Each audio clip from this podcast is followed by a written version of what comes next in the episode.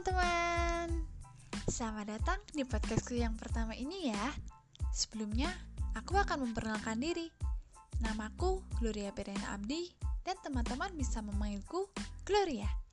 Aku mahasiswi FKIP dengan Prodi PGSD di Universitas Kristen Satya Wacana Nah, pada kesempatan kali ini kita akan membahas mengenai matematika, tetapi bukan matematika yang seperti biasa kalian ketahui ya teman-teman kita akan membahas mengenai matematika realistik. Nah, apakah kalian tahu matematika realistik itu? Yuk, mari kita bahas mengenai hal ini.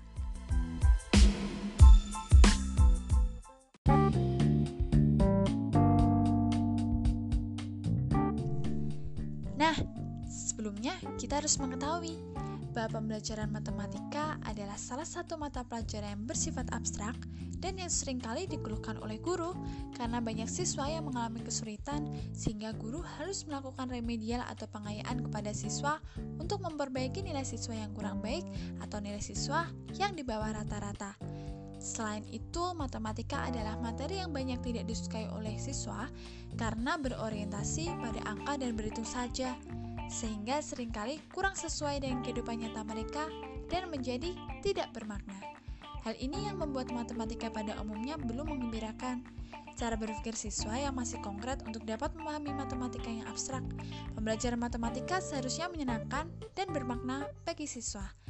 Guru bukan hanya menyajikan konsep matematika yang masih abstrak secara langsung pada siswa, tetapi guru sebaiknya memfasilitasi siswa dengan menyajikan pembelajaran secara konkret sehingga mereka dapat memahami matematika tersebut secara nyata dan bermakna.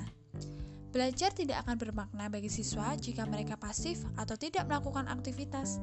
Karena itu dalam pembelajaran aktivitas sangatlah diperlukan karena pada prinsipnya belajar adalah berbuat. Siswa tidak disebut belajar ketika mereka tidak melakukan suatu aktivitas atau hanya berdiam diri.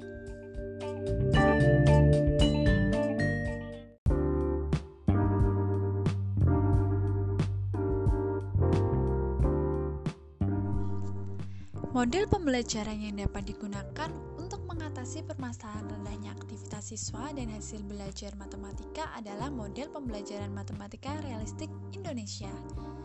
Dari artikel yang aku baca dengan judul Penerapan Model Pembelajaran Matematika Realistik Indonesia untuk meningkatkan aktivitas dan hasil belajar siswa kelas 6 SD tahun 2016 yang ditulis oleh Putri Tiur Mata Pubulan, aku mendapatkan bahwa model pembelajaran matematika realistik adalah salah satu model pembelajaran matematika yang menggunakan konteks dunia nyata siswa. Kata realistik di sini maksudnya ialah suatu situasi masalah yang dapat siswa bayangkan yang berhubungan dengan permasalahan yang sebenarnya. Hal tersebut bukan berarti membatasi bahwa model ini hanya menggunakan situasi nyata, tetapi dunia khayalan seperti dongeng dan dunia formal yang dapat digunakan pada konteks permasalahan asalkan itu real atau nyata dalam pikiran siswa. Kelebihan model pembelajaran matematika realistik adalah yang pertama, memberikan pengertian yang jelas kepada siswa tentang kehidupan sehari-hari dan kegunaan matematika pada umumnya bagi manusia.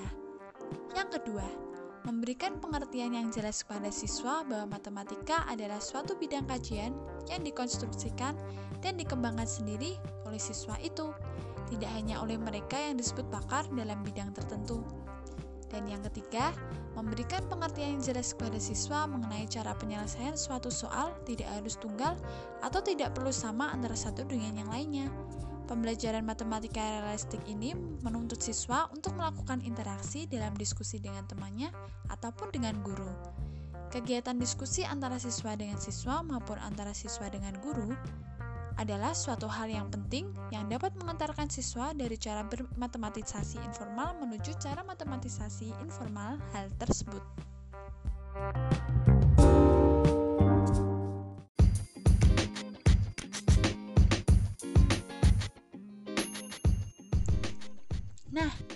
bagaimana sih cara pengajar menerapkan matematika realistik di sekolah dasar?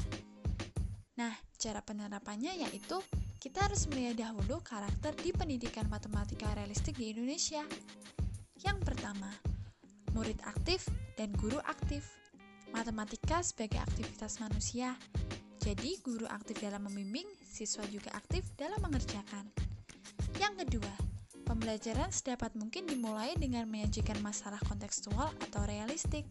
Pembelajaran dimulai dengan pembelajaran yang terjadi di dunia nyata mereka, sehingga siswa tidak merasa kesulitan. Yang ketiga, guru memberi kesempatan kepada siswa menyelesaikan masalah dengan cara sendiri.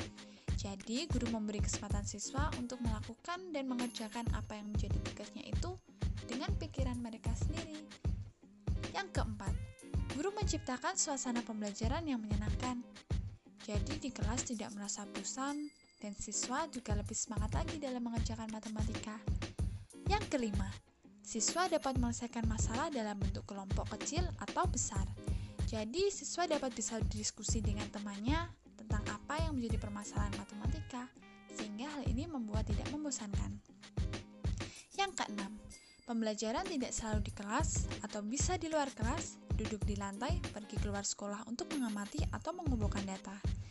Yang ketujuh, guru mendorong terjadinya interaksi dan negosiasi baik antara siswa dengan siswa, juga antara siswa dengan guru.